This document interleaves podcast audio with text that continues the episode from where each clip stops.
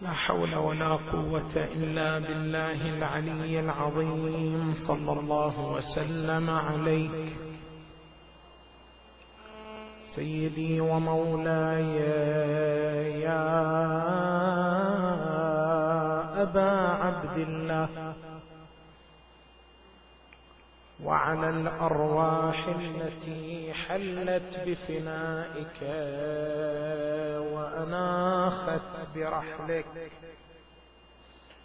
واستشهدت بين يديك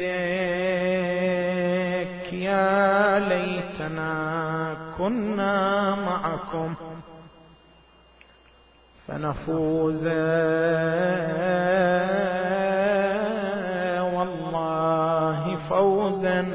عظيمة. حاشاك حاشاك يا غيظ الحواسد أن ترى. في النائبات شماتة الحساد.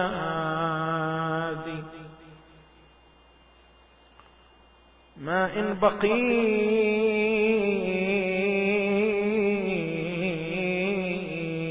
من الهوان على الثرى. ملقان ثلاثا في ربا ووهادي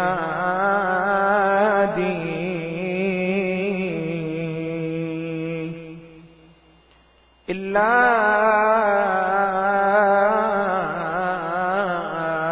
لكي تقضي عليك صلاتها.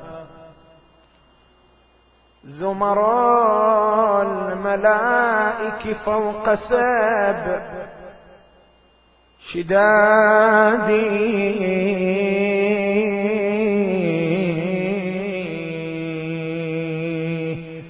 لهفي لرأسك وهو يرفع مشرقا. كالبدر فوق الذابل ميادي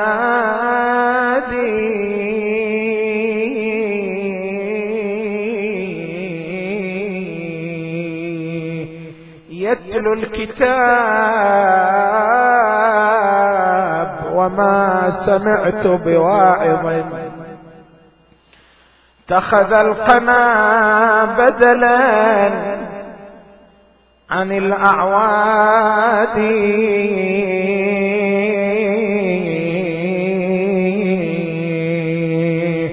لهفي على الصدر المعظم يشتكي. من بعد رشق الناب رض جيادي.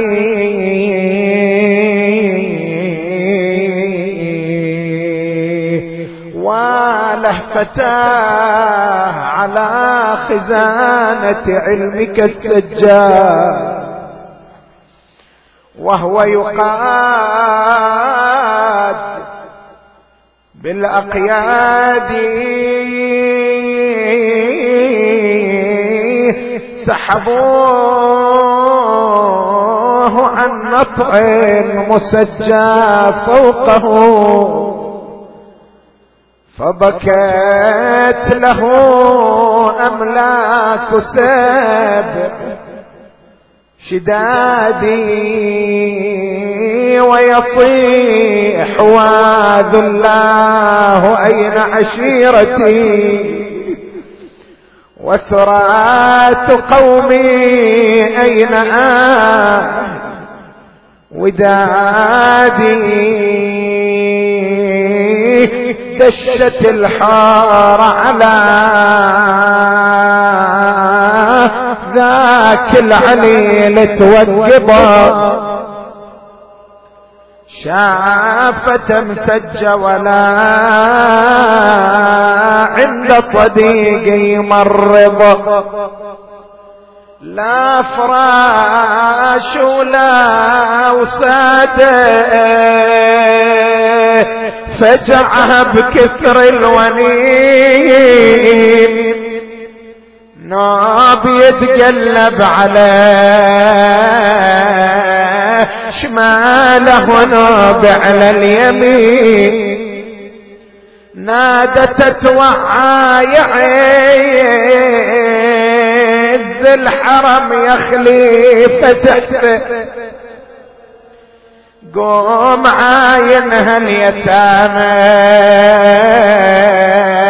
وهالخيم المقوضة فتح عينه وصاح يا عمه ابويا حسين وين؟ ما يقوم لها اليتامى ذوبان من الونين. قالت الله يعظم اجراك طاح عن مهرات طعيم. بر ما راسه جثته بالعوادم ربطه. قال وين القمر الازهار والفضل راعي الزود ما نريد الماء يخال يرجع ولا يملي الجود. قالت الجود امتلئ وانقطعت عليه الزنون. ملك والينا الشريعة. وبالعطش وسفى قضاء. قال وين حزام ظهري؟ وساعدي الأكبر علي. ما يقوم لها اليتامى وهالحرم لا تنولي قالت اسكت لا تسايل ما بقى عندي ولي دير عينك شوف ماتت حواثر بالفضاء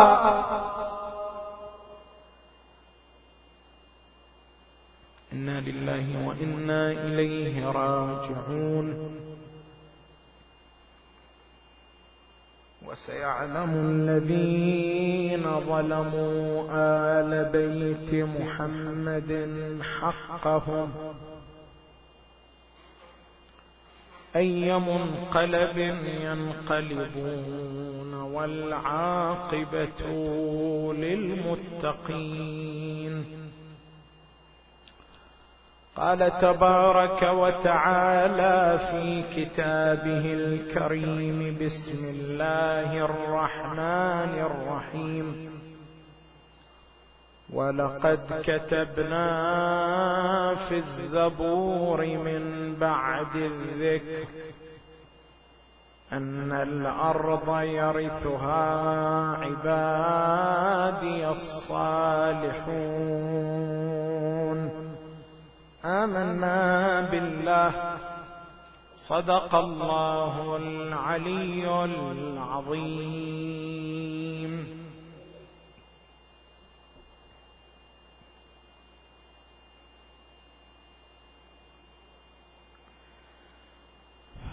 ذكرنا فيما سبق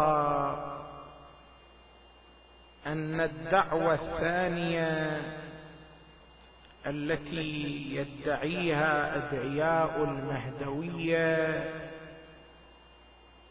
لصاحبهم المسمى بأحمد بن الحسن هي دعوى الامامه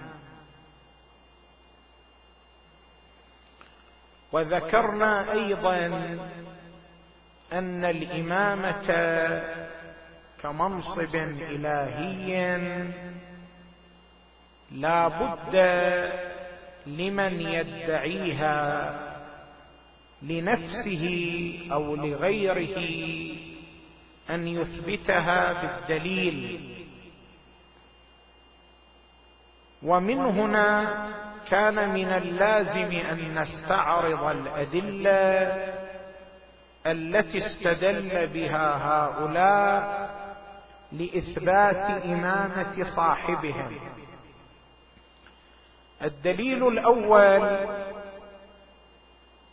والذي تقدم الكلام حوله كان عبارة عن الرؤى والأحلام والمنامات. وذكرنا أن هذا الدليل مزيف وواهن لا قيمة له. الدليل الثاني والذي نحن بصدده هو الاستخارة حيث يقولون بأن كل شخص يستخير على أن يبايع أحمد بن الحسن ويعتقد بإمامته فإن الخيرة تكون جيدة على ذلك. ومن شاء فليجرب. وكون الخيرة لا تأتي عليه إلا جيدة آمرة دليل على أن الرجل محق في إمامته وهذا دليل من دلائل إمامته. ومن أجل أن نقف عند هذا الدليل لمعرفة زيفه ووهنه لا بد أن نؤسس القاعدة التي يبتني عليها هذا البحث وأمثاله. القاعدة هي أن الأصول الدينية الخمسة. على رأي المشهور من علماء الطائفة أنه يجب تحصيلها باليقين والعلم. فعندما يعتقد الإنسان بإمامة أمير المؤمنين عليه السلام ولا يعتقد بإمامة من خالفه لا بد أن يكون متيقنا بذلك. وعندما يعتقد بالله ووحدانيته لا بد أن يكون ذلك عن علم وعن يقين. وهكذا بالنسبة إلى النبوة. ما هو الدليل؟ لماذا لا بد أن نعتقد بإمامة أمير المؤمنين يقينا؟ وليش ما يصح أن نعتقد بإمامته ولو ظنا؟ يعني أنا ليش الله يطالبني إلا باليقين؟ طب لو ظنيت بإمامة أمير المؤمنين وبقى عندي احتمال أن إمامة غيره احتمال يكون محق في الواقع ويوم القيامة ستنكشف الأوراق. ليش أنا مؤاخذ على عدم اليقين؟ لا بد أن يكون عندي يقين. لماذا؟ ما هو الدليل الذي يفرض تحصيل اليقين؟ الدليل هو ما يعبر عنه علماء الكلام بلزوم دفع الضرر المحتمل. وهذا الدليل يبتني على مقدمتين.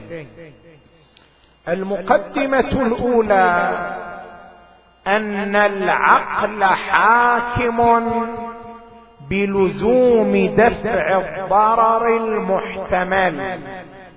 لما يكون هناك ضرر محتمل فليس يحتاج الإنسان أن يأمره الشارع بدفعه بل العقل هو الذي يحركه نحو ذلك. يعني لما الإنسان مثلا مريض ويذهب إلى الطبيب طبيب يقول له إن أكلت الأكل الكذائي ففي ذلك هلاكك.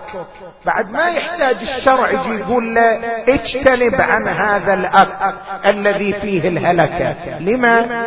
لأن العقل يأمره بلزوم دفع الضرر المحتمل. العقل يحركه لأجل دفع الضرر المحتمل. حتى ولو لم يقل له الشرع بل العلماء يقولون لزوم دفع الضرر المحتمل حكم فطري وليس حكما عقلي. حكم فطري يعني ماذا؟ يعني يشترك فيه الإنسان والحيوان. كما أن الحيوان الأليف إذا رأى حيوانا مفترسا فإنه يحتمل الضرر منه ويفر منه. كذلك الإنسان أيضا بفطرته عندما يشعر بوجود ضرر محتمل فإنه يفر منه ويدفعه. دفع الضرر المحتمل حكم فطري يشترك فيه الإنسان والحيوان ويدركه المجنون قبل العاقل. حتى المجنون إذا أدرك وجود ضرر فإنه يجتنب هذا الضرر. اذا هناك عندنا مقدمة مسلمة وهي أن دفع الضرر المحتمل لازم إما بحكم الفطرة وإما بحكم العقل على أقل تقدير. هذه مقدمه المقدمة الثانية أن ترك تحصيل اليقين والعلم في أصول الدين فيه مظنه الضرر الأخروي. شلون؟ يعني الآن أنا ما أدري أن الإمامة بعد رسول الله صلى الله عليه وآله هل هي لأمير المؤمنين أم هي لغيره؟ واظل على إمامة أمير المؤمنين وأتبع الشيعة من غير أن أتيقن بذلك. الشيعة ما يكتفوا أنا هم ما أكتف. بينما غيرهم يكتف في صلاته. الشيعة ما يؤمنوا ما يقولوا آمين لكن غيرهم يقول بالتالي أنا صلاتي مختلفة وصلاة غيري مختلفة. وصيامي مختلف عن صيام غيري وحجي مختلف عن حج غيري. وهذه العبادات اللي أنا جاي أتعبد بها أتعبد بها على ضوء اعتقاد بأن الإمام هو أمير المؤمنين. ولكن ما عندي يقين بذلك إذ أحتمل أن الإمام لغيره ويحتمل أن الحق سيكون مع غيره يوم القيامة. زين إذا جيت يوم القيامة وقال الله لم لم تكتف في صلاتك؟ لم لم تؤمن في صلاتك؟ ليش في صيامك صمت بهذه الكيفية؟ لم في حجك حججت بهذه الكيفية؟ أنا أقول له لأنني كنت أتبع أمير المؤمنين. هو بيقول أنت ليش اتبعت أمير المؤمنين؟ شنو دليلك على أن الحق معه وليس مع غيره؟ فلما أنا أكون مهزوز العقيده تنقطع حجتي بين يدي الله وبالتالي أستحق العقوبة المؤكدة. لكن عندما يكون عندي علم ويقين أكون صاحب حجة معذرة لي بين يدي الله سبحانه وتعالى. لذلك وارد في مناظرة الإمام الصادق عليه السلام مع ابن أبي العوجاء الذي كان ينكر وجود الله سبحانه وتعالى. ماذا قال له الإمام؟ قال له إن يكن الأمر كما تقول وليس كما تقول. نجوت ونجونا. لأنك لا تعتقد بوجود الله ونحن نعتقد وهذا الاعتقاد لا يضرنا شيء. وإن كان الأمر كما نقول وهو كما نقول نجونا وهلك لما نجونا وهلك الضرر الأخروي موجود. لأنه لم يعتقد ويبني اعتقاده على يقين جازم وأقيمت الحجة عليه في المقابل ولم يعبأ ولم يسمع ولم يلتفت إلى رسول ولا إلى أئمة. فيعاقبه الله على ذلك وينال الضرر الأخروي. إذا من لم يعتقد بأصول الدين عن يقين فإن ترك تعلمها عن يقين مظنة للضرر الأخروي. هذه مقدمة ثانية. الآن عندنا مقدمتان. مقدمة تقول بأن ترك اليقين في أصول الدين ترك تحصيل اليقين مظنة الضرر الأخروي.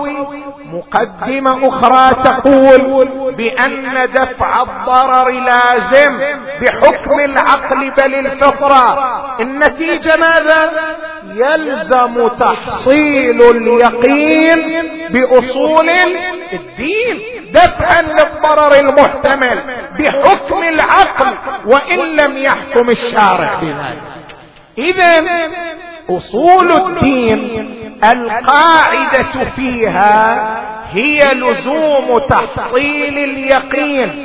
كان ذلك عن طريق الاستدلال الاجتهادي أم كان ذلك عن طريق الرجوع إلى العلماء وأهل التخصص؟ كما بينا ذلك في ليال متقدمة.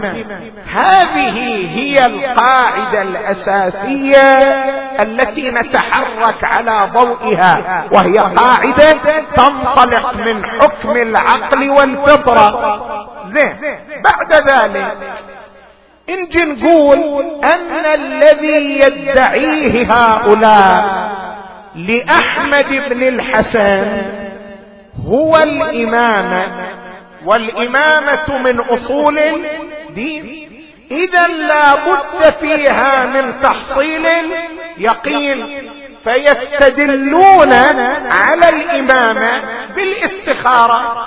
فلنرى هل أن الاستخارة محصلة لليقين أم لا؟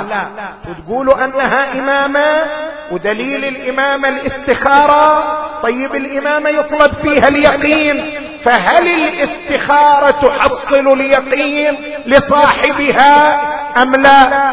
يقولوا نعم الاستخارة بثلاثة أدلة تحصل اليقين لصاحبها.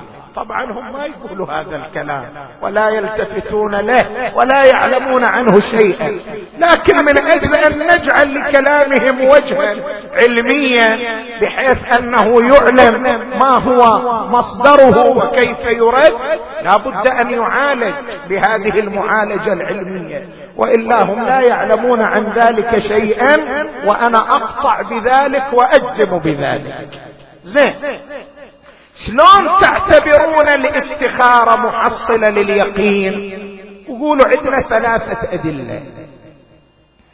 الدليل الأول ما رواه الشيخ الطوسي عليه الرحمة في كتاب الغيبة عن علي بن معاذ.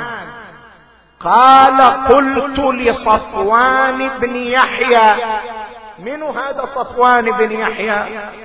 صفوان بن يحيى أحد تلامذة الإمام الرضا عليه السلام. ويتحدث عنه علماء الرجال يقولون ثقة ثقة. كان أعبد أهل زمانه وأوثقهم في الحديث. صفوان بن يحيى عالم من علماء مدرسة أهل البيت عليهم السلام ومن مبرز تلامذة الإمام الرضا عليه السلام. علي بن معاذ يقول قلت لصفوان بن يحيى بأي شيء قطعت على علي؟ يعني بأي شيء قطعت بإمامة الإمام الرضا؟ بأي شيء قطعت على علي؟ قال صليت لله ركعتين. ودعوت واستخرت وقطعت عليه هذه الرواية تدل على ماذا؟ تدل على أن صفوان بن يحيى وهو أحد مبرزي مدرسة أهل البيت قد أثبت إمامة الإمام الرضا عن طريق الاستخارة. وهذا يعني بأن الاستخارة حجة شرعية يمكن بناء اليقين والاعتقاد عليها. شنو نجيب عن هذه الملاحظة؟ خليها يا مراد هالكاميرا مي لازم ملا بل شنو نجيب عن هذه ال... عن هذا الاستدلال؟ هنا نطرح ثلاث ملاحظات. الملاحظة الأولى أن هذه الرواية لم ينقلها من علمائنا أحد سوى الشيخ الطوسي عليه الرحمة في كتاب الغيبة. وقد نقلها رد لأجل الرد عليها. شلون نقلها لأجل الرد عليها؟ وهذا الشيخ الطوسي كتب كتاب الغيبة لأجل ماذا؟ لأجل إثبات إمامة الإمام المهدي عليه السلام وأنه هو الإمام الغائب. فكانت من جملة الدعاوى التي عالجها الشيخ الطوسي عليه الرحمة ما يدعيه الواقفية من أن الإمام الغائب هو الإمام الكاظم عليه السلام وأنه آخر الأئمة. فتصدى الشيخ الطوسي في كتابه الغيبه للرد عليهم. لذلك تناول كتابا اسمه في نصرة الواقفة. من مؤلفه؟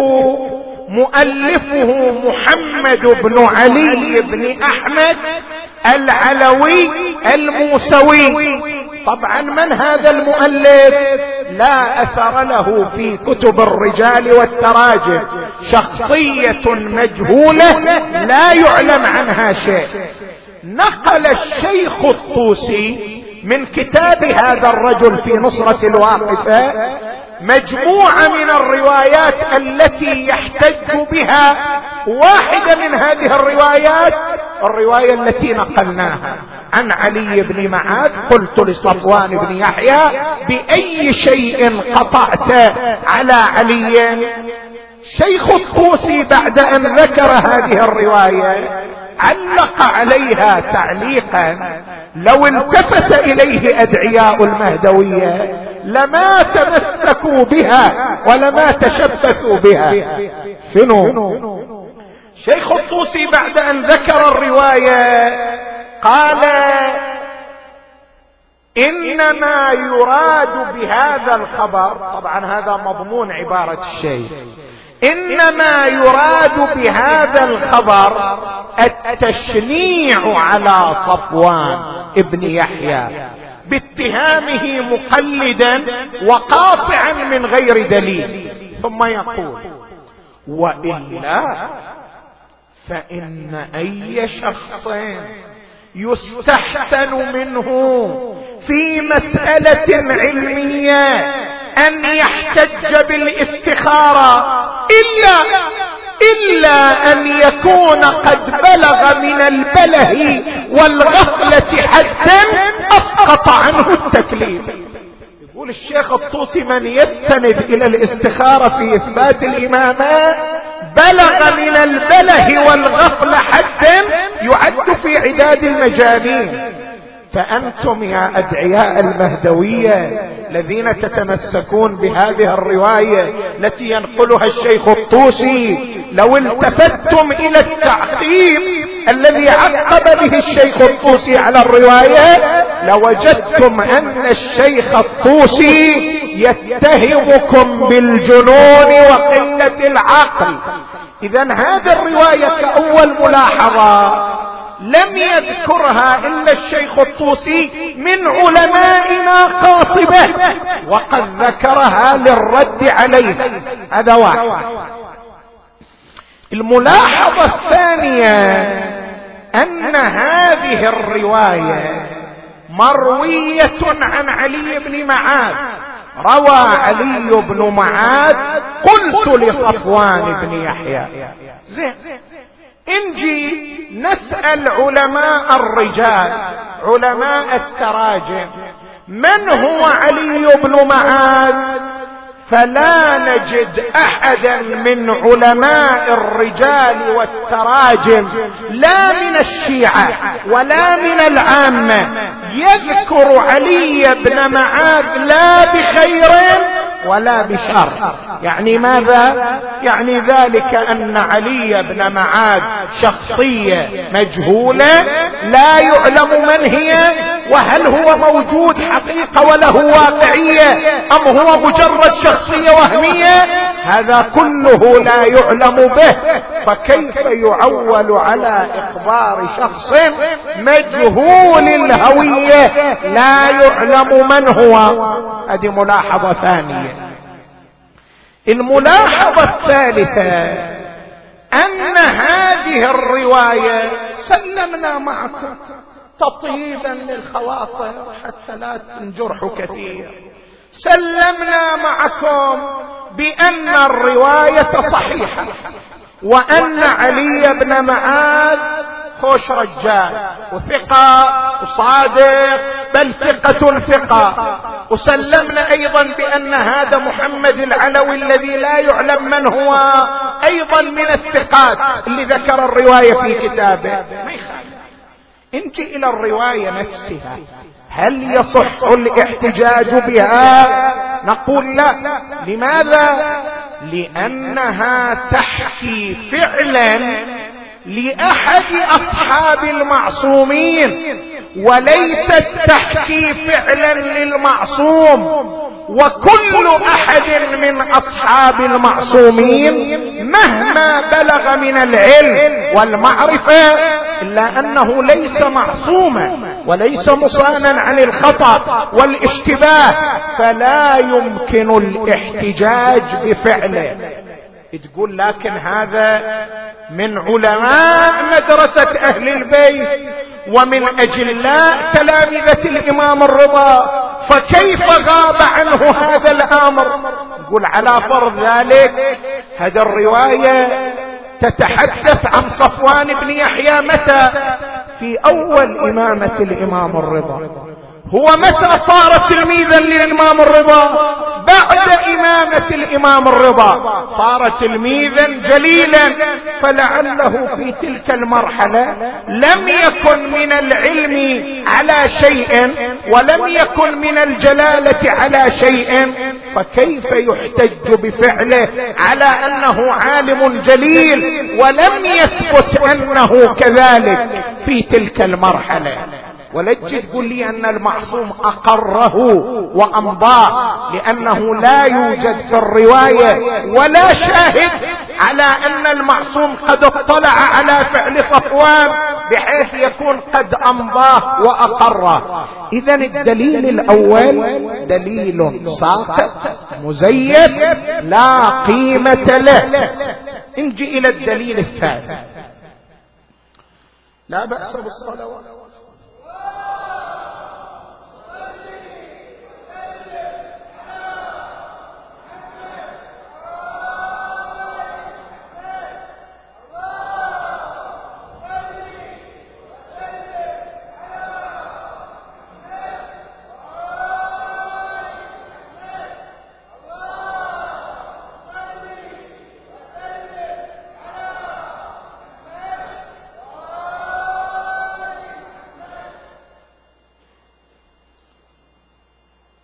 ابو حسين مكيفاتكم حار مقرفونكم خراب جماعتكم قل بعد على أهل قراية كان الله غفورا رحيما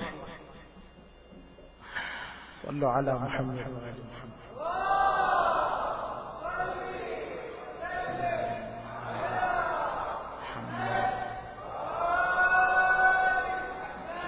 قبل ما أجي ما سويت صلوات.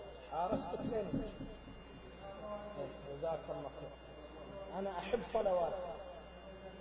جزاك الله خير. دليل الثاني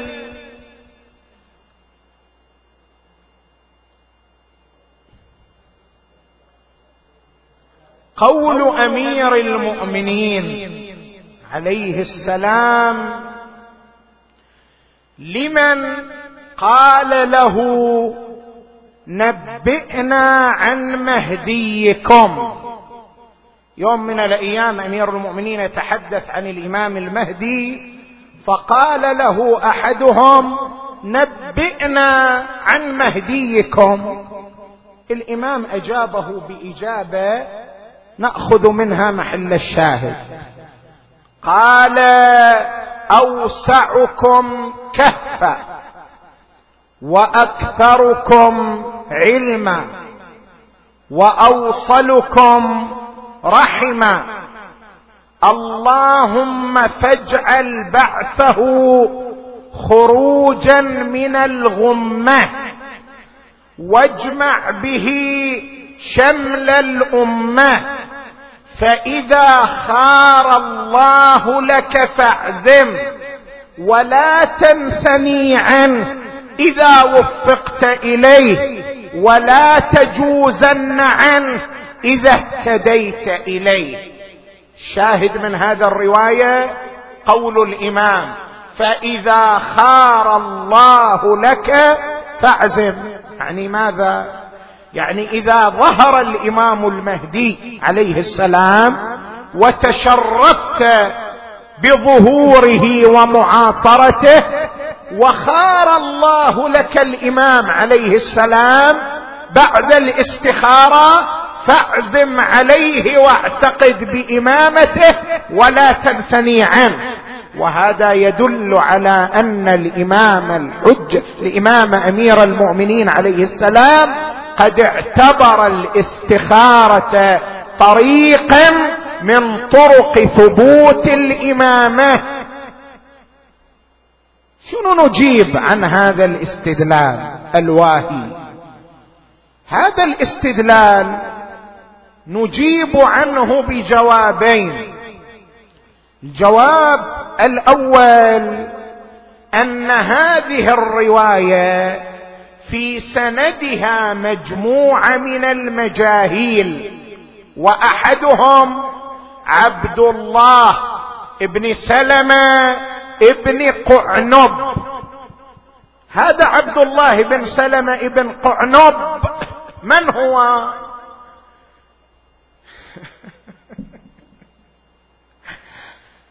هذا ابن قعنب والذي يعبر عنه بالقعنبي هو تلميذ مالك إمام المالكية.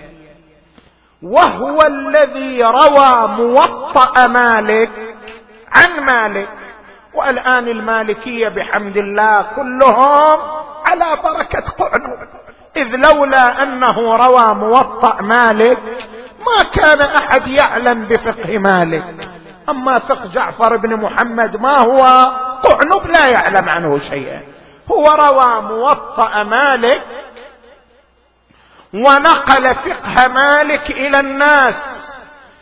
هذا الشخص عندما تراجع عنه في كتب العامة يقولون هو شخص ثقة من أئمة الحديث عالم صالح ويصفونه بتمام الأوصاف اللائقة به عندهم لكن عندما ترجع إلى كتب الشيعة وتسأل من هو هذا القعنبي لا تجد عالما واحدا من علماء الشيعة قد قام بتوثيقه.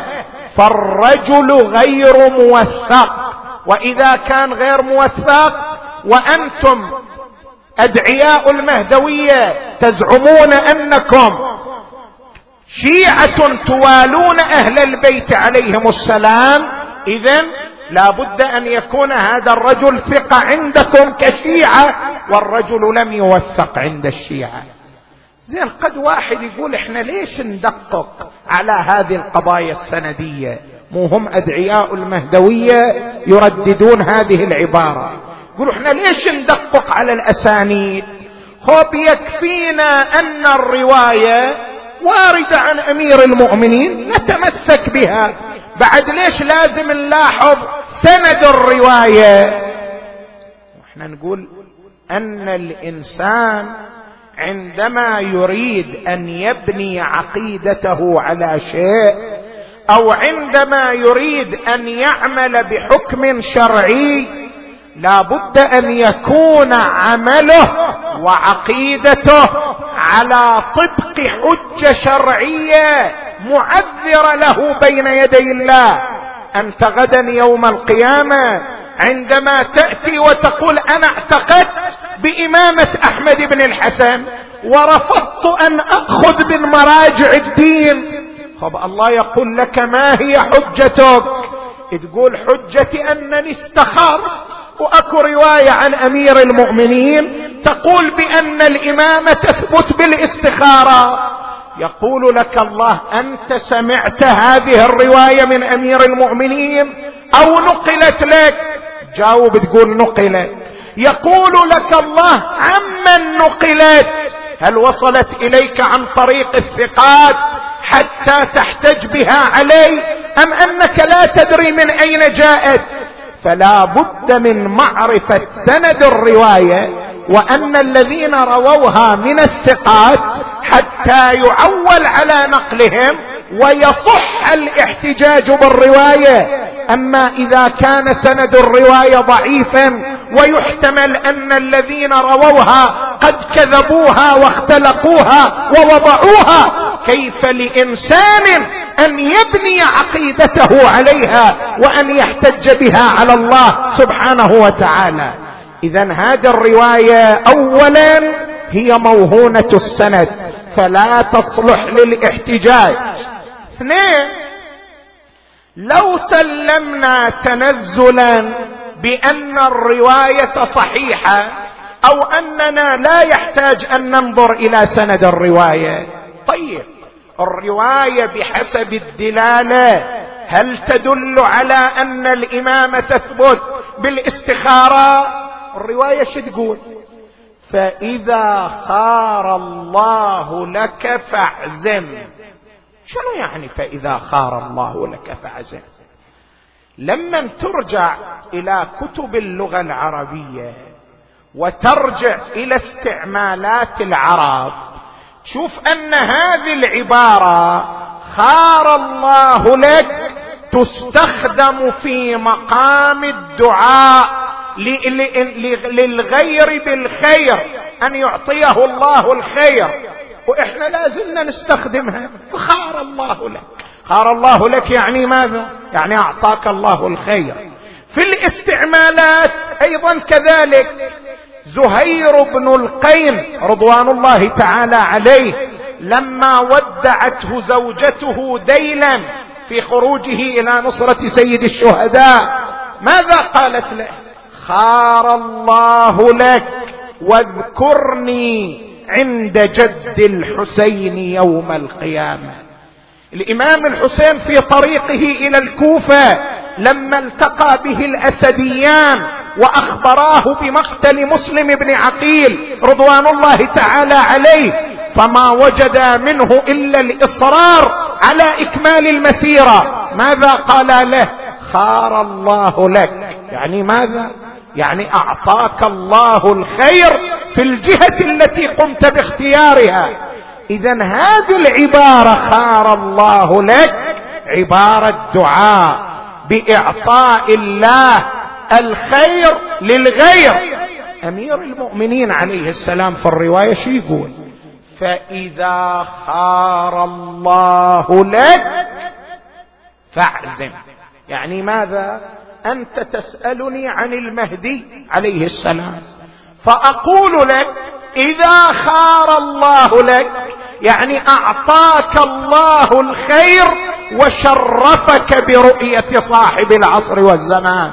فإذا خار الله لك فاعزم ولا تنثني عنه إذا وفقت له ولا تجوزن عنه إذا هديت إليه. يعني أنك إذا شرفت تشرفت بمعاصرته وبرؤيته فلا تنثني عنه ولا تجوزن عنه بل اعزم وتمسك بإمامته ونصرته. فما ربط هذه الرواية بمسألة الاستخارة على قضية الإمامة؟ الرواية أجنبية عن مسألة الاستخارة ولا يصح الاستدلال بها. اذا الدليل الأول تبين عندنا دليل موهوم. دليل الثاني أيضا مثله من ناحية السند ساقط من ناحية الدلالة ضعيف. نجي إلى الدليل الثالث. قالوا نحن نستدل على أن الإمامة يمكن إثباتها بالاستخارة من خلال التمسك بعمومات ما دل على محبوبية الاستخارة. كقول الإمام الصادق صلوات الله وسلامه عليه ما خار ما استخار الله مؤمن إلا واختار له الخير إلا وخار له الخير. ما استخار الله مؤمن إلا وخار له الخير. وفي الرواية عن الإمام الباقر عليه السلام قال ما أبالي إذا استخرت الله على أي جنبي وقعت؟ هذه الروايات وأمثالها كثير تدل على محبوبية الاستخارة وأن الإنسان إذا استخار الله تعالى فإن الله لا يغشه بل يختار له الخير. نجي نقول إحنا نتمسك بهذا الروايات ونقول لما نتردد أن هذا الشخص إمام أو ليس بإمام فلنا أن نتمسك بهذه الروايات ونقول بأن المتردد يختار يستخير الله والله تعالى يختار له الخير فيكون ذلك دليلا على أن هذا الشخص إمام من قبل الله سبحانه وتعالى. إحنا نقول أيضا هذه العمومات لا يصح التمسك بها. ليش؟ لأن هذه العمومات هنا أمران لا بد من الالتفات إليهما. الأمر الأول أن هذه العمومات لو تمسكنا بعمومها للزم من ذلك إسقاط الكثير من التقنينات والقواعد الفقهية بل إسقاط أبواب كاملة من الفقه. يعني الآن إذا هذه العمومات تمسكنا بها وقلنا بأنه في كل مورد إذا استخار الإنسان الله فإن الله يختار له الخير ويحدد له الواقع. أجل هذه الوقعة على القضاء ومحاكم ونزاعات وخصومات وإنما أقضي بينكم بالبينات ولازم كل واحد يجيب بينته وإذا يجيب ما يجيب بينة يطالب بشيء آخر. هذه الوقعة على شنو؟ خذ القاضي يستخير مسبح بيده. الأرض لفلان لا لفلان. الخيرة زينة على هي للسيد. يعطيها السيد انتهى الموضوع. ليش إنما أقضي بينكم بالبينات؟ بعد هذه الرواية تقول ما استخار الله عبد مؤمن إلا وخار له الخير. فيلزم إغلاق باب القضاء. هذا كله يسقط لا حاجة له. نجي إلى باب التقليد. على شنو هذه القضية؟ قال السستاني وقال الوحيد. وقال الحكيم وقال الروحاني وقال الخوئي وقال الخميني على شنو هذا الكلام كله؟ وأنا لازم أسوي هالشكل لأن الخوئي قال. ذاك يقول أنا لا لازم أسوي هالشكل على أن السستاني قال. كل واحد يمسك المسبح. الخيرة زينة على فتوى الخوئي خلاص يعمل بها خيرة زينة على فتوى السستاني يعمل بها ما اختار ما استخار الله عبد مؤمن إلا واختار له الخير فيلزم إسقاط باب التقليد من أساسه. جي إلى مسألة الاحتياط. شارع المقدس يأمر بالاحتياط. أخوك دينك فاحتط لدينك. إذا عندك طعام مشتبه فيه احتط فيه اجتنب عنه. بعد ليش الشارع يزاحمنا بهالزحمة؟ كل واحد يشيل مسباحة مخباته. هذا اللحم مذكى لا مو مذكى. خيرة زينة على مطعم السفرة. يلا ناخذ منه. خيرة زينة على مطعم التنور. ناخذ منه. انتهى الموضوع. فيلزم سقوط الفقه من أوله إلى آخره. إذا قلنا بأن روايات الاستخارة لها عموم يلزم من ذلك سقوط باب الفقه برمته. هذا الأمر الأول وهذا منبه على أن روايات الاستخارة لا عموم لها. الأمر الثاني روايات الاستخارة إنما يراد إنما هي ناظرة إلى الموارد التي لم يحدد الشارع المسار فيها والضابطة فيها. شلون؟ تقول لي روايات الاستخارة روايات عامة لما نقراها ما استخار الله عبد مؤمن إلا وخار له الخير. يعني في كل شيء. نقول صحيح هي عامة. لكن هذه فقهاء يقولوا عنها مخصصة تخصيص موردي.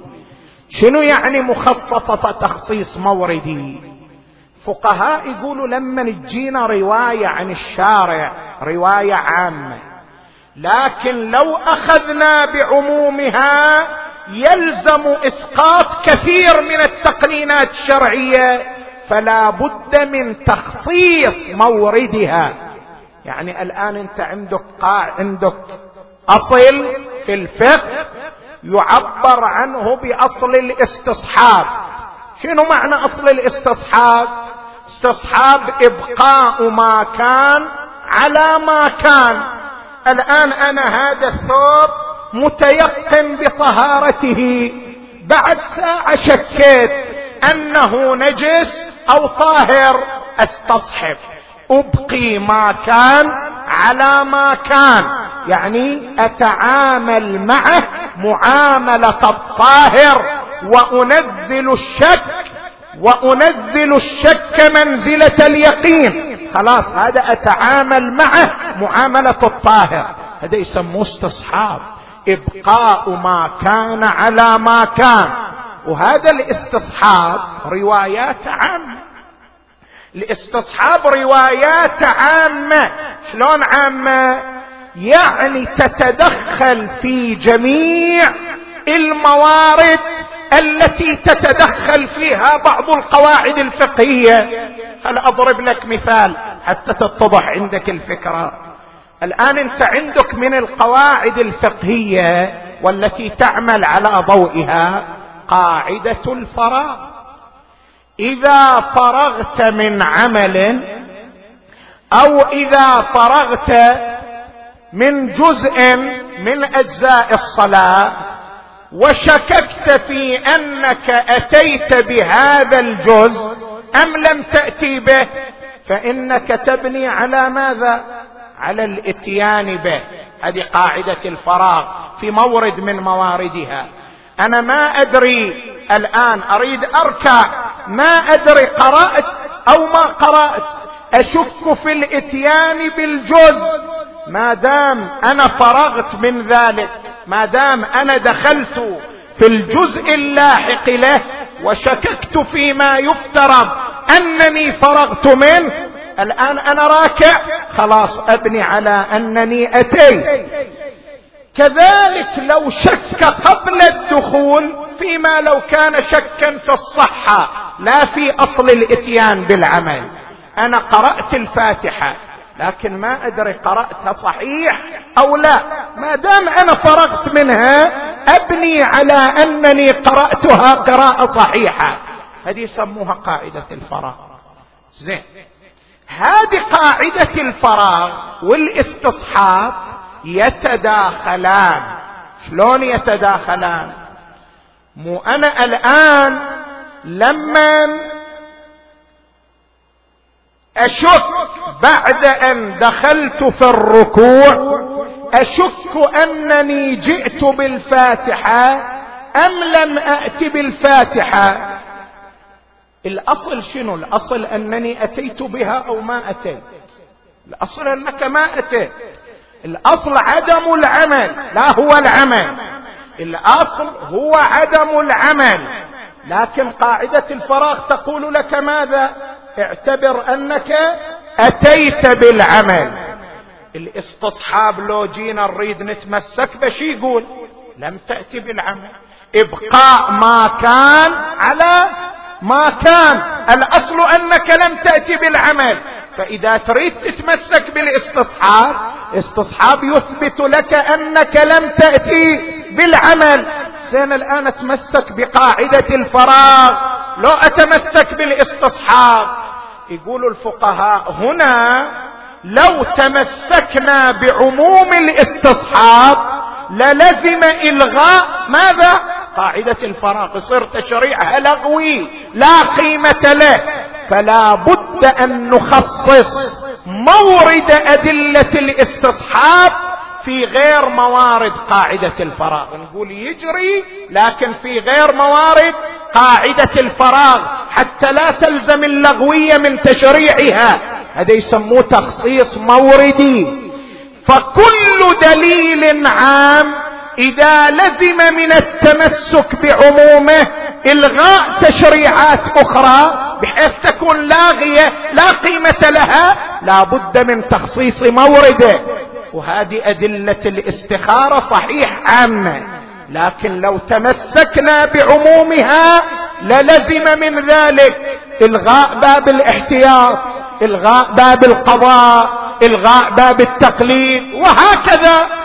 فتلغو تلك الأبواب الفقهية فمن أجل دفع محذور اللغوية لا بد ماذا؟ من تخصيص مورد أدلة الاستخارة. لذلك نقول أدلة الاستخارة ناظرة فقط إلى الموارد التي لم يحدد الشارع المسار فيها. أما إذا حدد الشارع المسار لا يمكن التمسك بالاستخارة. الشارع حدد لك طريقة معينة لإثبات الهلال. ما تقدر تجي تقول أستخير أن الهلال ثابت أو غير ثابت. طريق محدد حدده الشارع. استخارة ما تأتي. شارع حدد لك طريق لمعرفة مرجع التقليد. ما تقدر تجي تقول أتمسك بالاستخارة حتى أعرف أن هذا هو الأعلم أو هذا هو الأعلم. شارع حدد لك طريق لمعرفة أن الحق مع أي المتخاصمين وهو طريق البينة. ما تقدر هني تجي تتمسك بالاستخارة. استخارة في الموارد التي لم يحدد. الشارع المسار فيها. وهذه قضية الإمامة. كيف يعلم أن هذا إمام أم لا؟ الشارع حدد المسار. تعلم الامامة من طريق النص ومبشرا برسول يأتي من بعد اسمه أحمد وتعلم الإمامة من طريق المعجزة. وأما ما سوى ذلك فلا يثبت إمامة أحد. وبالتالي فإن بناء الإمامة على مسألة الاستخارة بناء موهون أنت ما تقدر تبني حكم شرعي على استخارة.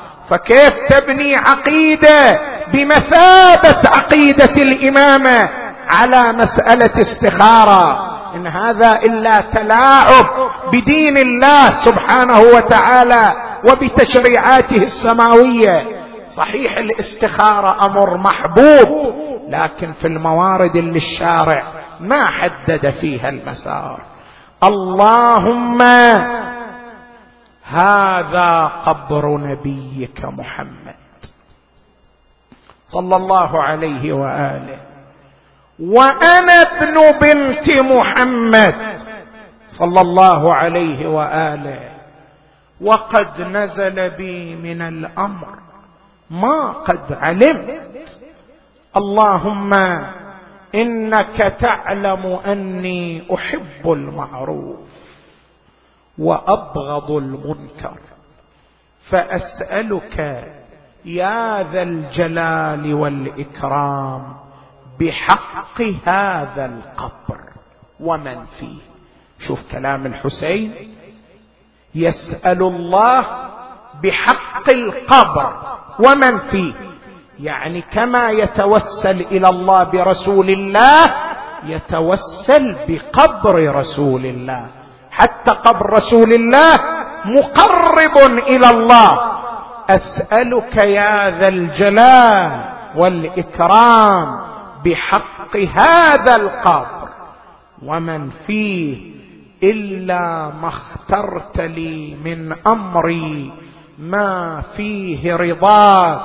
الحسين يطلب الخيرة من الله وهو عند قبر رسول الله. وتجي الخيره الإلهية. بني حسين كأني أراك عن قريب بأرض كرب وبلاء مخضبا بدمائك هذا لما يشوف النبي في يشوف الحسين في عالم الرؤيا وهو على قبره. مخضبا بدمائك وأنت مع ذلك عطشان لا تروى. وظمآن لا تسقى. أول ماتم يقرأه رسول الله بمحضر الملائكة. ضج الملائكة وحسينا. وودع الحسين قبر جده إلى اين يذهب إلى اين يتوجه. توجه الحسين إلى القبر الذي لا نعرفه. أتدري قبر من هو ذلك القاب؟ هو قبر مكسرة الاضلاع انحنى على قبرها نادى أمه فاطمة في أمان الله. من نومتك قومي يا زهرة ودعيني من نومتك قومي يا زهرة ودعيني لا تقولي ليش حسين راح وما يجيني من دوركم قوم الأعادي طارديني مسافر أنا بروح لأرض الغابري ارتج القبر والصوت يطلع يا حبيبي. شوف ما عندك صوت الليلة ارتج القبر والصوت. يطلع يا حبيب. حسبي على اللي بيقطعوا منك نصيب. ما يفيدني كثر البواعي وشق جيبي. سافر وأنا بقبري. عليك أنصب عزيز. لكن أبو علي عندي وصية. شنو الوصية أمة؟ يا حسين بوصيك بوديعة احفظوها ليكون مرض الغابر يضيعوا وليكون في وسط المجالس يدخلوها بعد الخدار والصان. يركبوها مطي أفاطم لو خلت الحسين.